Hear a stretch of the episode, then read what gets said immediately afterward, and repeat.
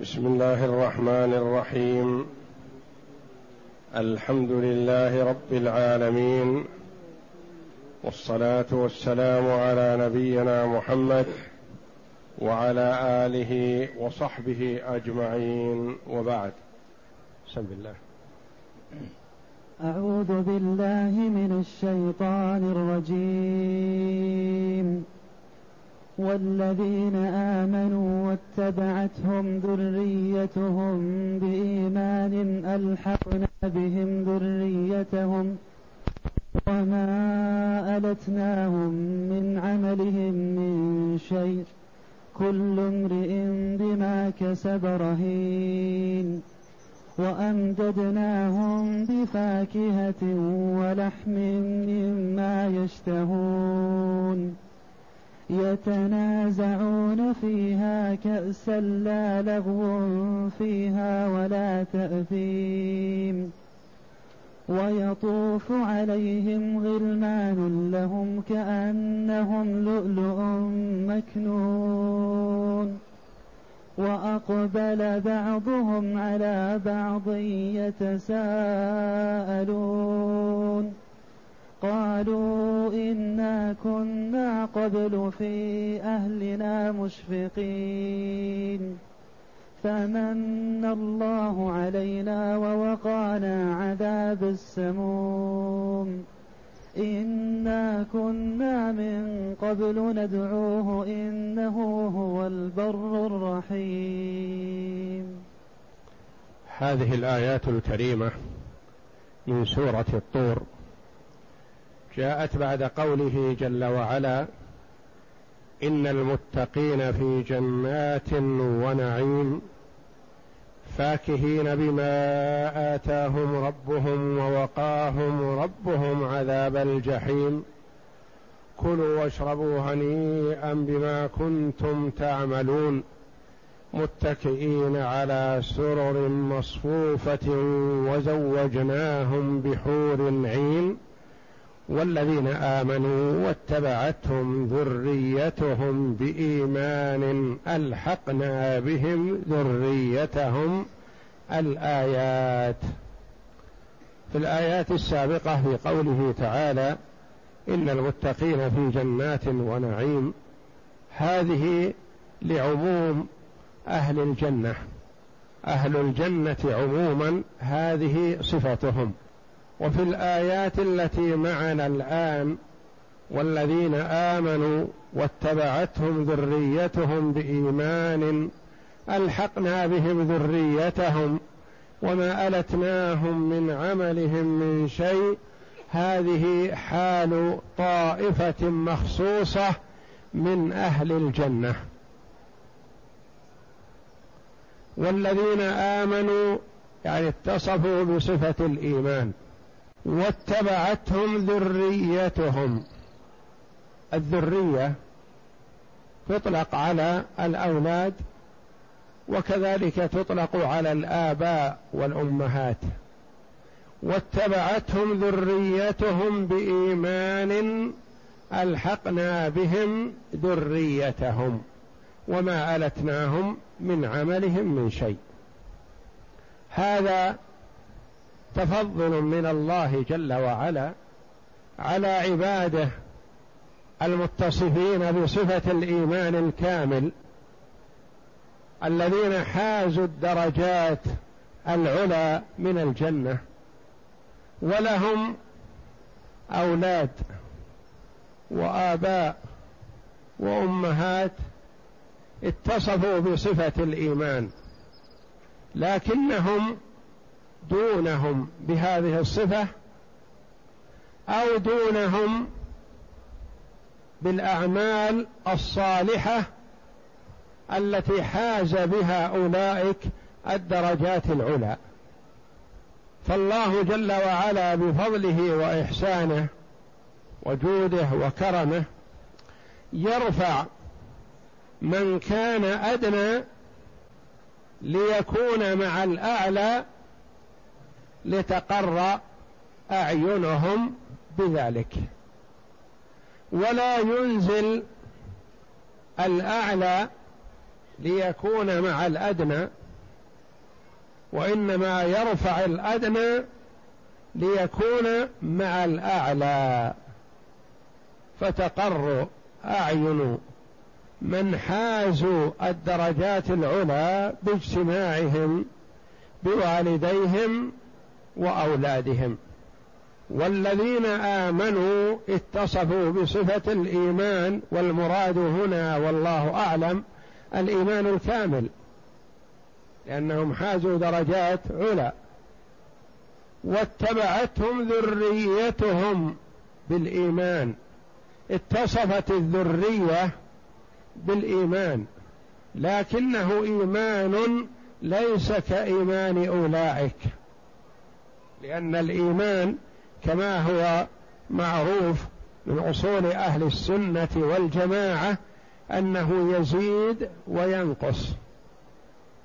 فقد عرفوه بقولهم الإيمان قول باللسان واعتقاد بالجنان وعمل بالأركان يزيد بالطاعة وينقص بالعصيان. قول باللسان شهادة لا إله إلا الله وأن محمدا رسول الله والأمر بالمعروف والنهي عن المنكر والدعوة إلى الله جل وعلا والذكر وقراءة القرآن وغير ذلك مما ينطق به باللسان. واعتقاد بالجنان بالقلب إخلاص بالقلب وتوجه إلى الله جل وعلا وإفراده بالعبادة وعمل بالأركان الجوارح الصلاة والصيام والصدقة وسائر أعمال البر. يزيد بالطاعة كلما زادت طاعة العبد قوي إيمانه وزاد. وينقص بالعصيان كلما وقع المرء في المعصية نقص إيمانه. فليس إيمان المقبل على الطاعات المبتعد عن المعاصي كإيمان من ينتهك المحرمات. الواقع في المحرمات والمعاصي لا يخرج من الإسلام بكبيرته وإنما يكون فاسق مسلم فاسق. فليس ايمان الفاسق كإيمان التقي وإن كانوا يجتمعون في مسمى الإسلام ويقول عليه الصلاة والسلام المؤمن القوي خير وأحب إلى الله من المؤمن الضعيف وفي كل خير. والمراد قوة الإيمان لا قوة البدن. فالإيمان يزيد وينقص. المرء إيمانه قوي وله أعمال صالحة عظيمة. استحق عند الله جل وعلا بفضله سبحانه وإحسانه منزلة عالية رفيعة. له أولاد له آباء أمهات ما نالوا منزلته. من سروره وقرة عينه أن يكون ذووه, ذووه حوله. ومعه يستأنس بهم. فالله جل وعلا بفضله وإحسانه يرفع الأدنى ليكون مع الأعلى. ولا ينزل الأعلى ليكون مع الأدنى لأن في هذا نقص من حق الأعلى. ولا ينزل الأدنى شيء الأعلى شيئا ويرفع الأدنى شيء يتوسط بل يرفع الأدنى ليكون مع الأعلى بفضله وإحسانه. لأن رفع الأدنى ليكون مع الأعلى جود وكرم والله جل وعلا أهل الجود والكرم. والذين آمنوا واتبعتهم ذريتهم بإيمان ألحقنا بهم ذريتهم. وما ألتناهم من عملهم من شيء. قد يفهم من هذا الإلحاق أنه يقال للأعلى انزل قليلا وللأدنى اصعد قليلا فيجتمعان في الوسط. فهذا فيه غض من حق الأعلى. فالله جل وعلا يقول وما ألتناهم يعني ما نقصنا الأعلين من حقهم شيئا. والذين آمنوا واتبعتهم ذريتهم بإيمان بهذا الشرط أن يكونوا متصفين بصفة الإيمان. أما إذا كانوا فجارا فلا.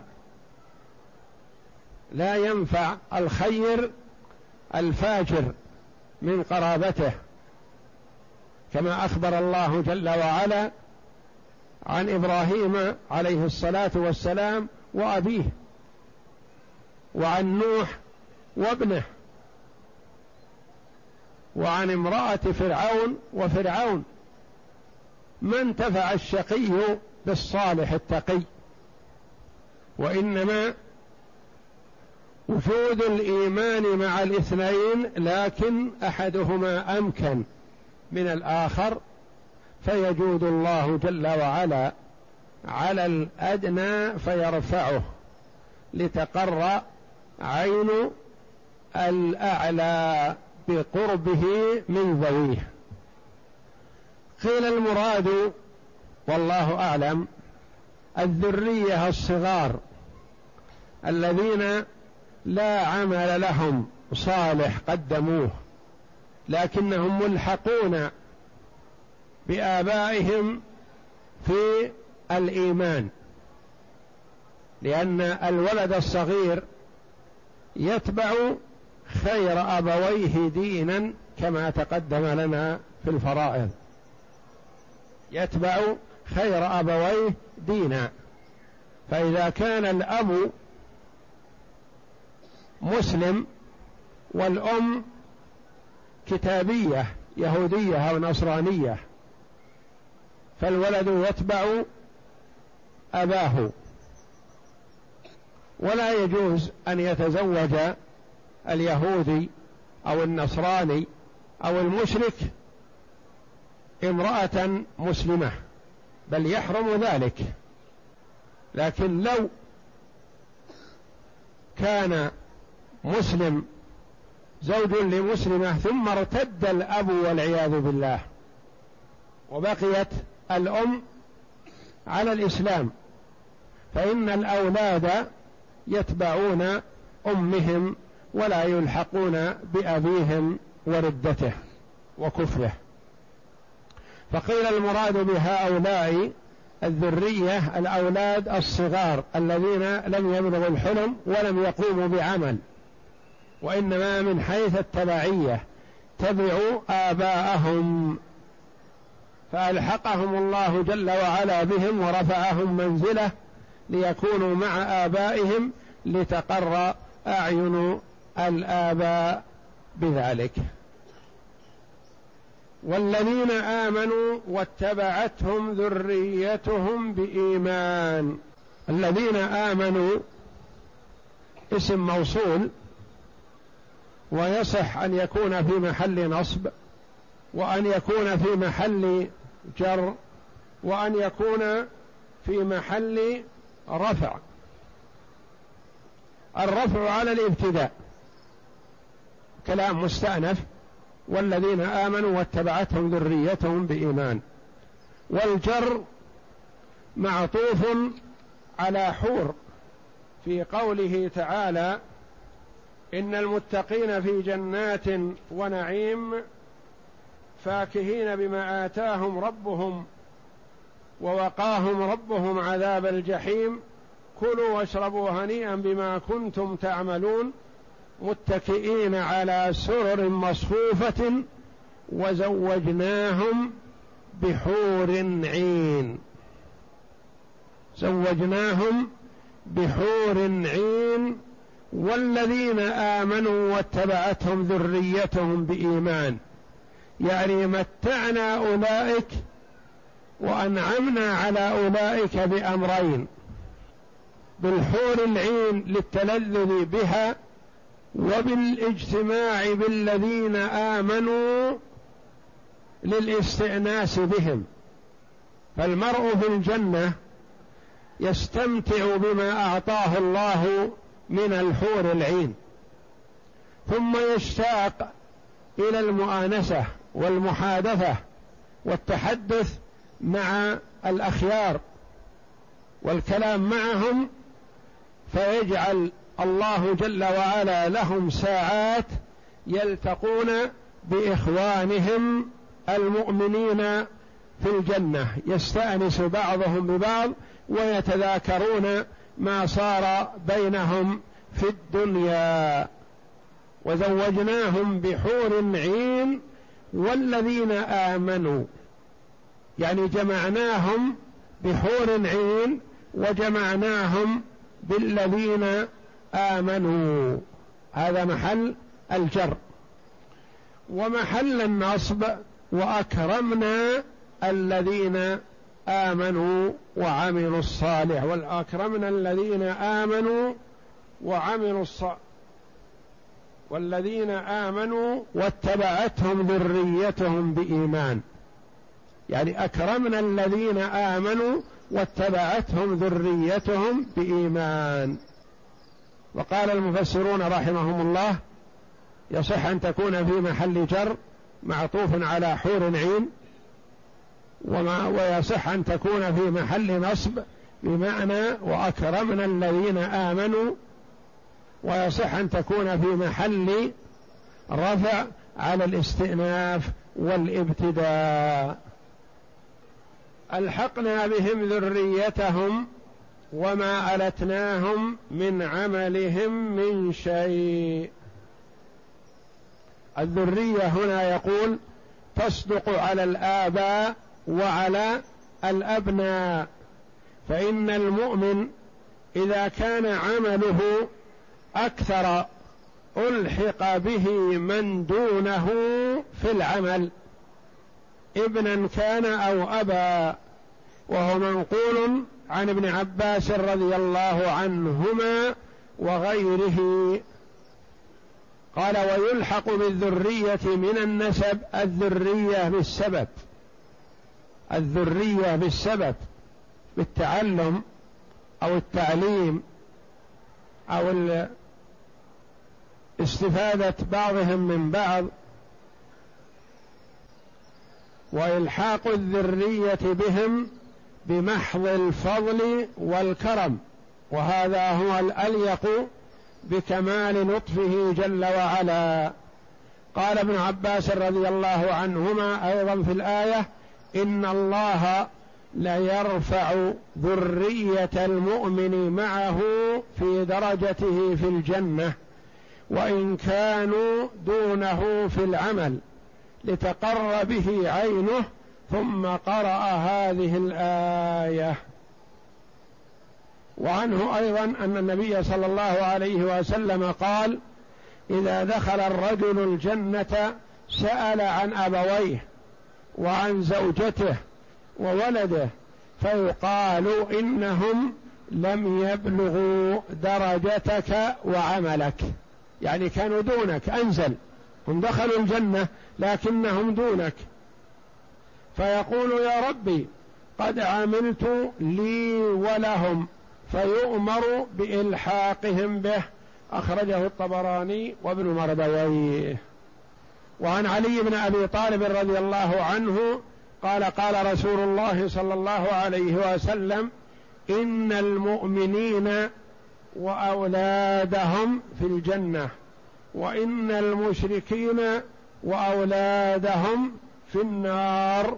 ثم قرأ رسول الله صلى الله عليه وسلم والذين آمنوا الآية أخرجه عبد الله بن الإمام أحمد في زوائد المسند.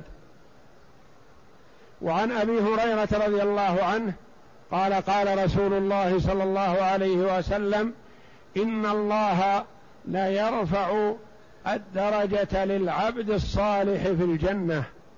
فيقول يا ربي من أين لي هذا؟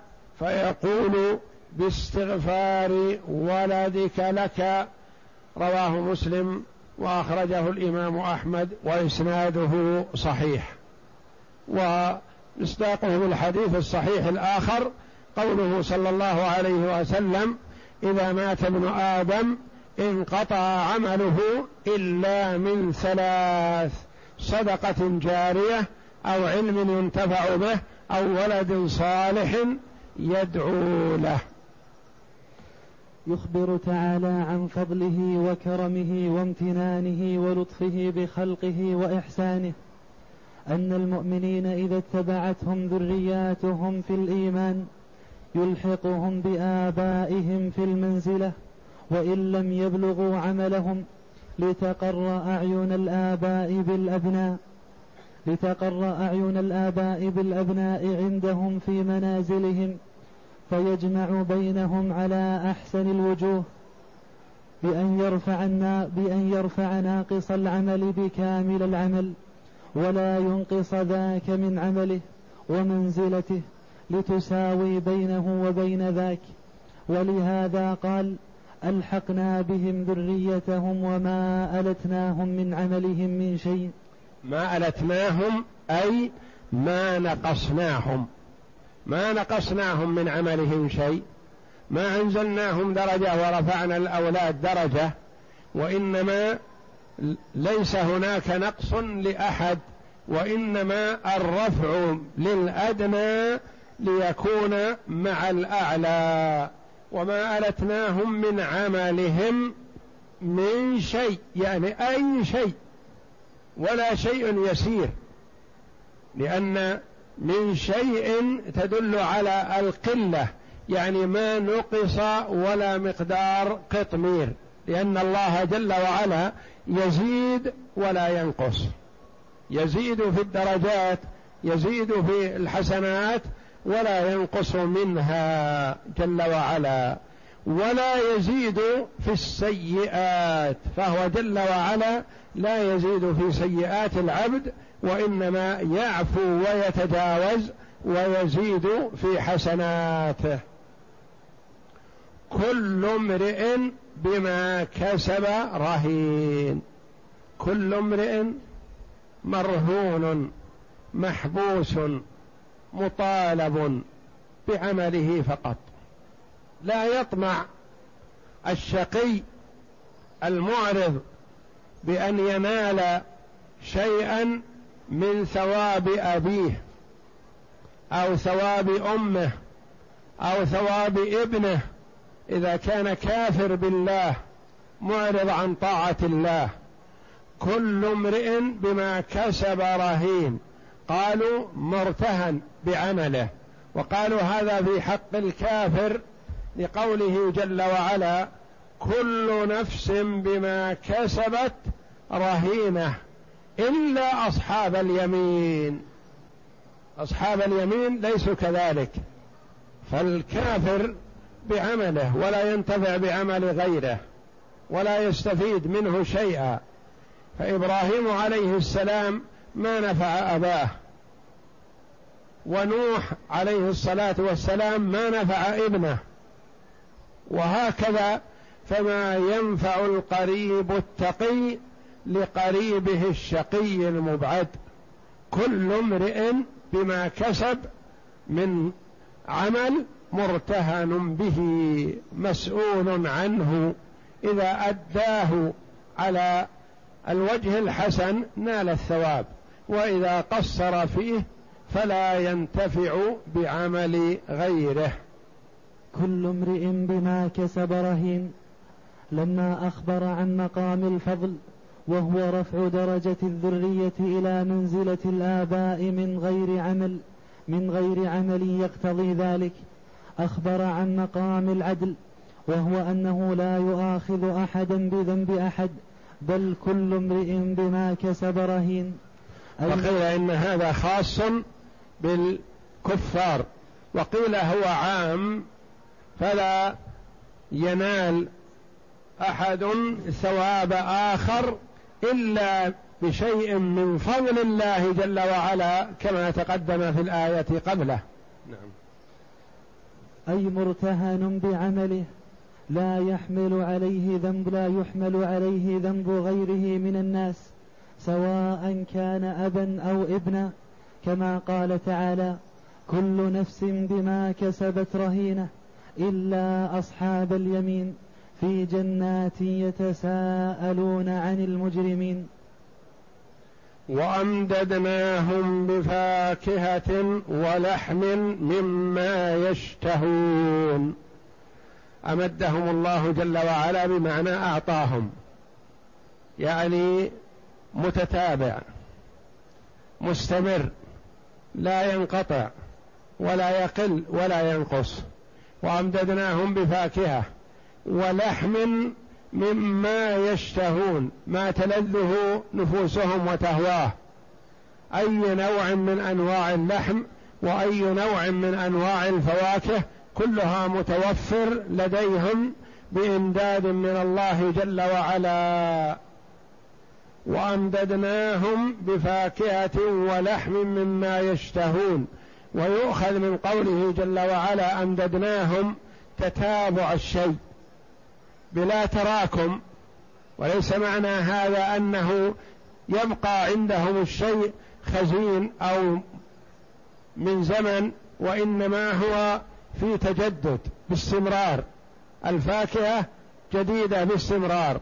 واللحم جديد باستمرار وهكذا وأمددناهم بفاكهة ولحم مما يشتهون من الشيء الذي يشتهونه وتميل إليه نفوسهم من أنواع المطعوم والمشروب. نعم.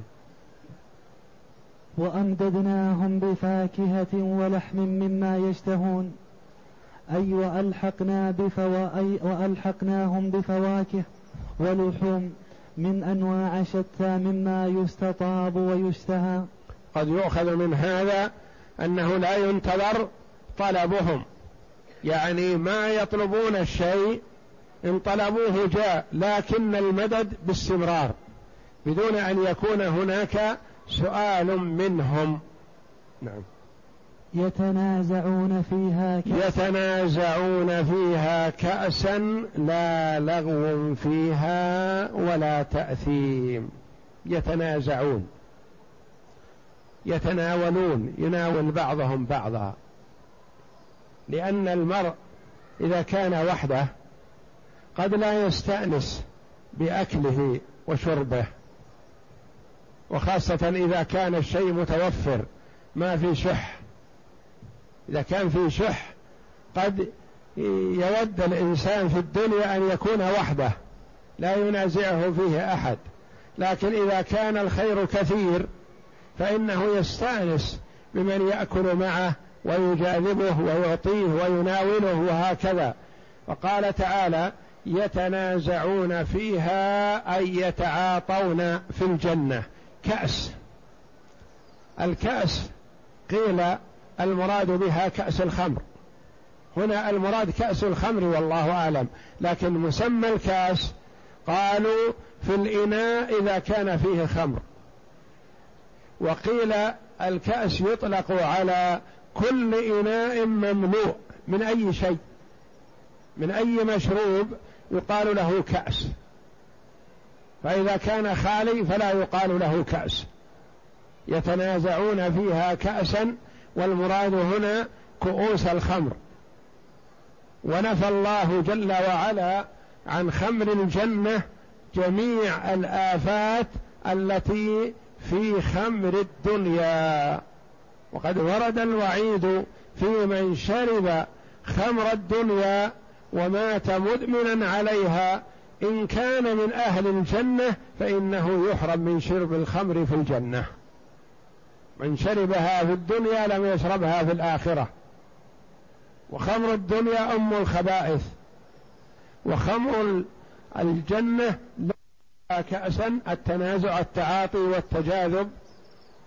كأسا لا لغو فيها ولا تأثيم.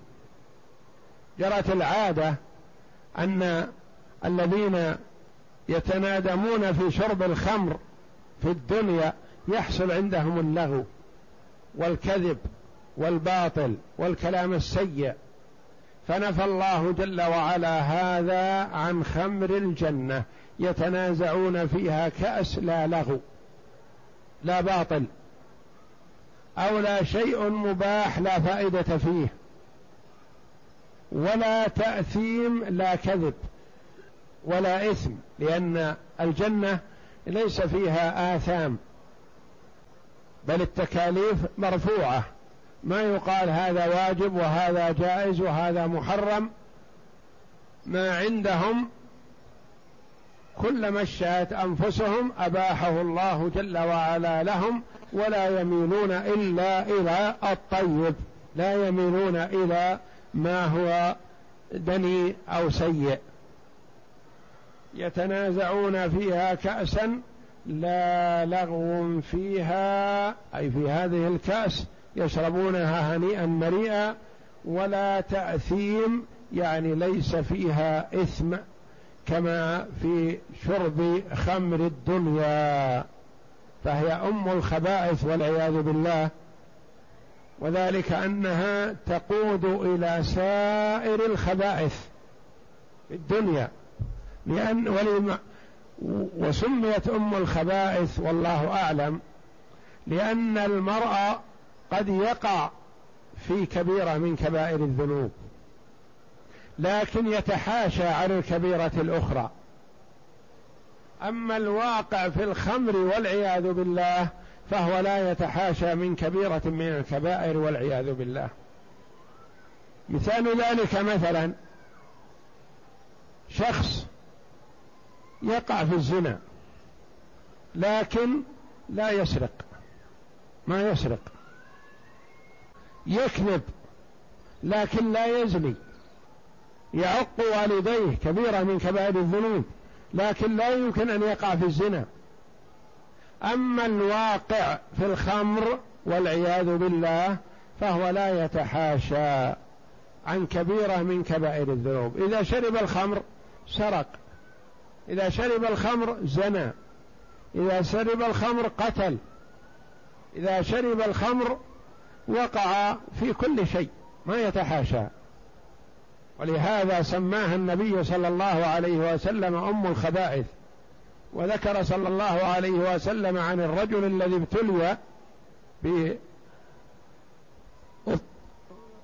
ألجئ إلى إما أن يزني أو أن يقتل أو أن يشرب كأسا من الخمر.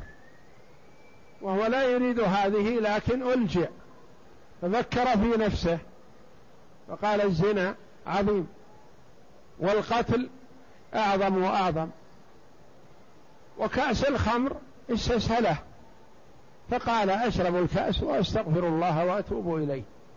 فشرب الكأس فسكر فقتل فزنى فقتل. فجمع الخبائث كلها والعياذ بالله والمحرمات. فهي أم الخبائث والعياذ بالله وصاحبها لا يتحاشى عن كبيرة من كبائر الذنوب. ولهذا حرمها كثير من العقلاء على أنفسهم قبل تحريمها شرعا. أنه قيل لرجل في الجاهلية ألا تشرب الخمر؟ قال لا يليق بي أن أصبح سيد القوم وأمسي سفيههم. يعني إذا شربت الخمر صرت سفيه. أنا سيدهم فإذا شربت الخمر أصبحت جاهلهم. فأنا ما أشربها وتحاشى عنها كثير من العقلاء في الجاهلية قبل أن قبل الإسلام وقبل أن يحرمها الإسلام. نعم. يتنازعون فيها كأسا أن يتعاطون فيها كأسا من الخمر. قاله الضحاك لا لغو فيها ولا تأثيم أي لا يتكلمون عنها بكلام لاغي ولا هذيان ولا إثم أي فحش كما تتكلم به الشربة من أهل الدنيا. وقال ابن عباس اللغو الباطل والتأثيم الكذب. فنزه الله خمر الآخرة عن قاذورات خمر الدنيا وآذائها فنفى عنها كما تقدم صداع الرأس ووجع البطن وإزالة العقل بالكلية وأخبر أنها لا تحملهم على الكلام السيء الفارغ عن الفائدة. وأخبر بحسن منظرها وطيب, وطيب طعمها فقال بيضاء لذة للشاربين لا فيها غول ولا هم عنها ينزفون وقال لا يصدعون عنها ولا ينزفون وقال ها هنا يتنازعون فيها كأسا لا لغو فيها ولا تأثيم ويطوف عليهم غلمان لهم كأنهم لؤلؤ مكنون. يطوف عليهم يعني يترددون عليهم ويدخلون عليهم ويخرجون منهم في حاجتهم وخدمتهم وما يريدونه. منهم غلمان لهم. غلمان أعطاهم الله جل وعلا إياهم في الجنة. ولم يقل تعالى غلمانهم وإنما قال غلمان لهم. لأنه لو قال يطوف عليهم غلمانهم لظن ظان أن المرء المخدوم في الدنيا يخدمه خدمه في الدنيا هم الذين يخدمونه في الآخرة. فيظن الخدم في الدنيا أنهم سيستمرون في خدمة أسيادهم في الآخرة. فقال الله جل وعلا ويطوف عليهم غلمان لهم. غلمان أعطاهم الله جل وعلا إياهم وليسوا غلمانهم في الدنيا لأن الخادم في الدنيا قد يكون أعلى منزلة من سيده في الآخرة. إن أكرمكم عند الله أتقاكم. ومنازل الآخرة لا تقاس بمنازل الدنيا. فالله جل وعلا يعطي الدنيا من يحب ومن لا يحب والآخرة عند ربك للمتقين. ومن الذين يؤتون أجرهم مرتين عبد رقيق أدى حق الله جل وعلا وحق مواليه. وربما يكون في الآخرة أرفع درجة من مواليه وأسياده. ولذا قال جل وعلا هنا ويطوف عليهم غلمان لهم ولم يقل غلمانهم. والغلام الولد وهؤلاء يكونون في سن على حسب ما يهوى المرء ولا يزيدون ولا ينقصون يستمرون على هذه السن. ما يكبرون ويهرمون يبتلون على هذه السن. غلمان لهم كأنهم لؤلؤ مكنون. كأنهم اللؤلؤ في البهاء والجمال والحسن كأنهم اللؤلؤ واللؤلؤ يتفاوت.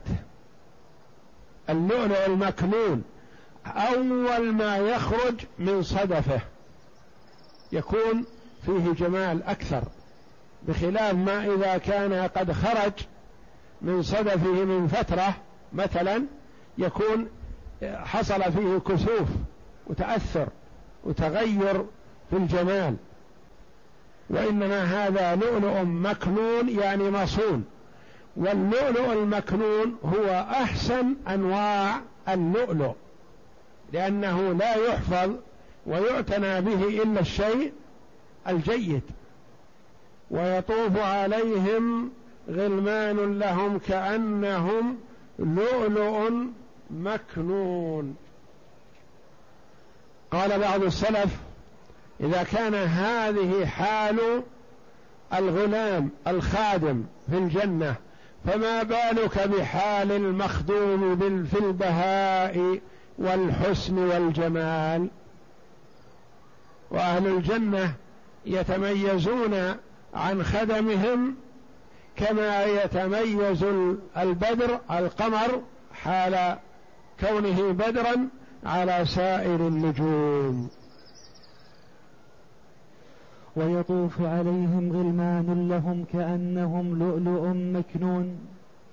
إخبار عن خدمهم عن خدمهم وحشمهم في الجنة كأنهم اللؤلؤ الرطب المكنون في حسنهم وبهائهم ونظافتهم وحسن ملابسهم كما قال يطوف عليهم ولدان مخلدون بأكواب وأباريق وكأس من معين. وأقبل بعضهم على بعض يتساءلون. عن أنس رضي الله عنه قال قال رسول الله صلى الله عليه وسلم إذا دخل أهل الجنة الجنة اشتاقوا إلى الإخوان.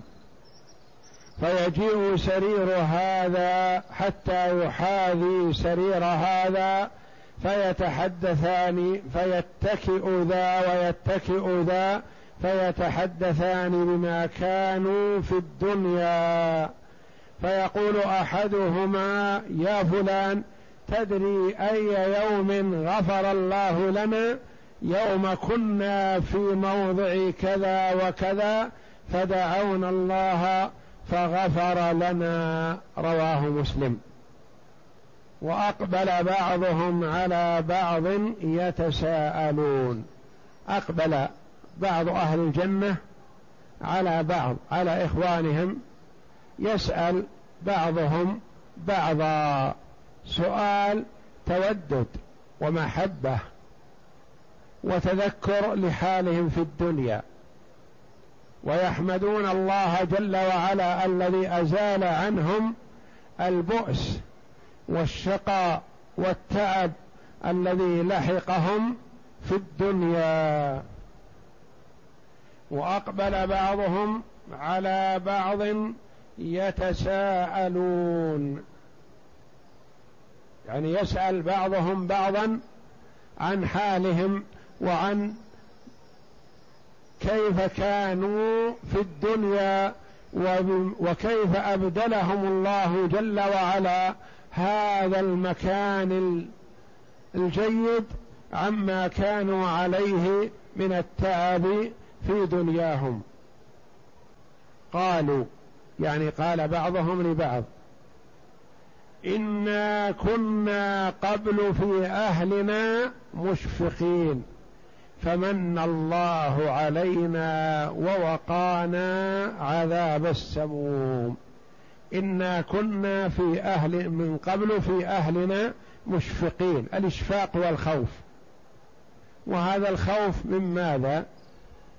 خوف من الوقوع في معصية الله خوف من سخط الله خوف من المصير إلى النار. يعني كانوا في حال الدنيا في حال خوف ووجل ما اطمأنوا إلى دنياهم وما وثقوا بها وما استأنسوا بها لأنهم يتخوفون من سوء العاقبة يتخوفون أن يبتلوا بالمعاصي يتخوفون من سخط الله جل وعلا. إنا كنا قبل في أهلنا مشفقين. قال بعض المفسرين مشفقين مع أنهم في أهلهم وذويهم وعادة أن المرء إذا كان بين أهله وذويه أنه يكون مستأنس وليس بخائف فهم خائفون في موطن يأمن فيه كثير من الناس لأنهم يخافون من سوء العاقبة.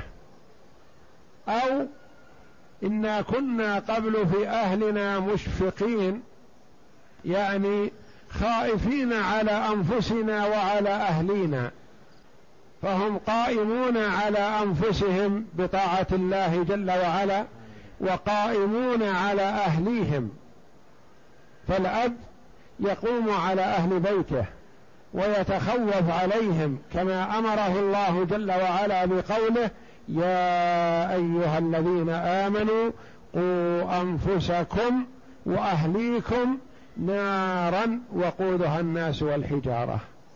فهو يتعهدهم بالصلاة يتعهدهم في أداء الفرائض يتعهدهم في اجتناب المحرمات في الوقوع في الإثم خوفا عليهم من سوء العاقبة. إنا كنا قبل في أهلنا مشفقين فمن الله علينا. تفضل الله علينا جل وعلا بما أعطانا في الجنة. هذا حديثهم فيما بينهم في الجنة. يقول كنا في الدنيا هكذا في خوف. ما اطمأننا وليس عندنا اطمئنان. خايفين على أنفسنا على أولادنا على أهلينا. فمن الله علينا وأمننا مما نخاف. فمن الله علينا ووقانا عذاب السموم. السموم شدة الحر الهواء الحار. وذلك أنه ينفذ إلى مسام الجسم. وكذلك عذاب النار لا يكون على البشرة الخارجية وإنما هو تغلي يغلي منه الدماغ وتضطرب منه الأمعاء وحره وعذابه داخلا وخارجا والعياذ بالله. وأقبل بعضهم على بعض يتساءلون أقبلوا يتحادثون ويتساءلون عن أعمالهم وأحوالهم في الدنيا. وهذا كما يتحادث أهل الشراب على شرابهم إذا أخذ فيهم الشراب بما كان من أمرهم. والإقبال أي أن المرأة يعطي وجهه للآخر كل واحد مقبل على الآخر بوجهه. نعم. قالوا إنا كنا قبل في أهلنا مشفقين. أي قد كنا في الدار الدنيا ونحن بين أهلنا خائفين خائفين من ربنا مشفقين من عذابه وعقابه. فمن الله علينا ووقانا عذاب السموم. أي تصدق علينا وأجارنا مما نخاف. إنا كنا من قبل ندعوه. إنا كنا من قبل ندعوه. يعني كنا في حال الدنيا ندعو الله وحده لا شريك له. كنا نوحد الله سبحانه وتعالى لا نلتفت إلى غيره. ندعو الله والدعاء مخ العبادة. ومن صرف شيئا من أنواع الدعاء لغير الله جل وعلا فقد كفر بالله جل وعلا. إنا كنا من قبل ندعوه إنه هو البر فهو يجود على عباده جل وعلا ويرحمهم يعطيهم أكثر مما أملوا وطلبوا. إنا كنا من قبل ندعوه اي نتضرع إليه؟ فاستجاب الله لنا وأعطانا سؤالنا إنه هو البر الرحيم. والله أعلم وصلى الله وسلم وبارك على عبده ورسول نبينا محمد وعلى آله وصحبه أجمعين.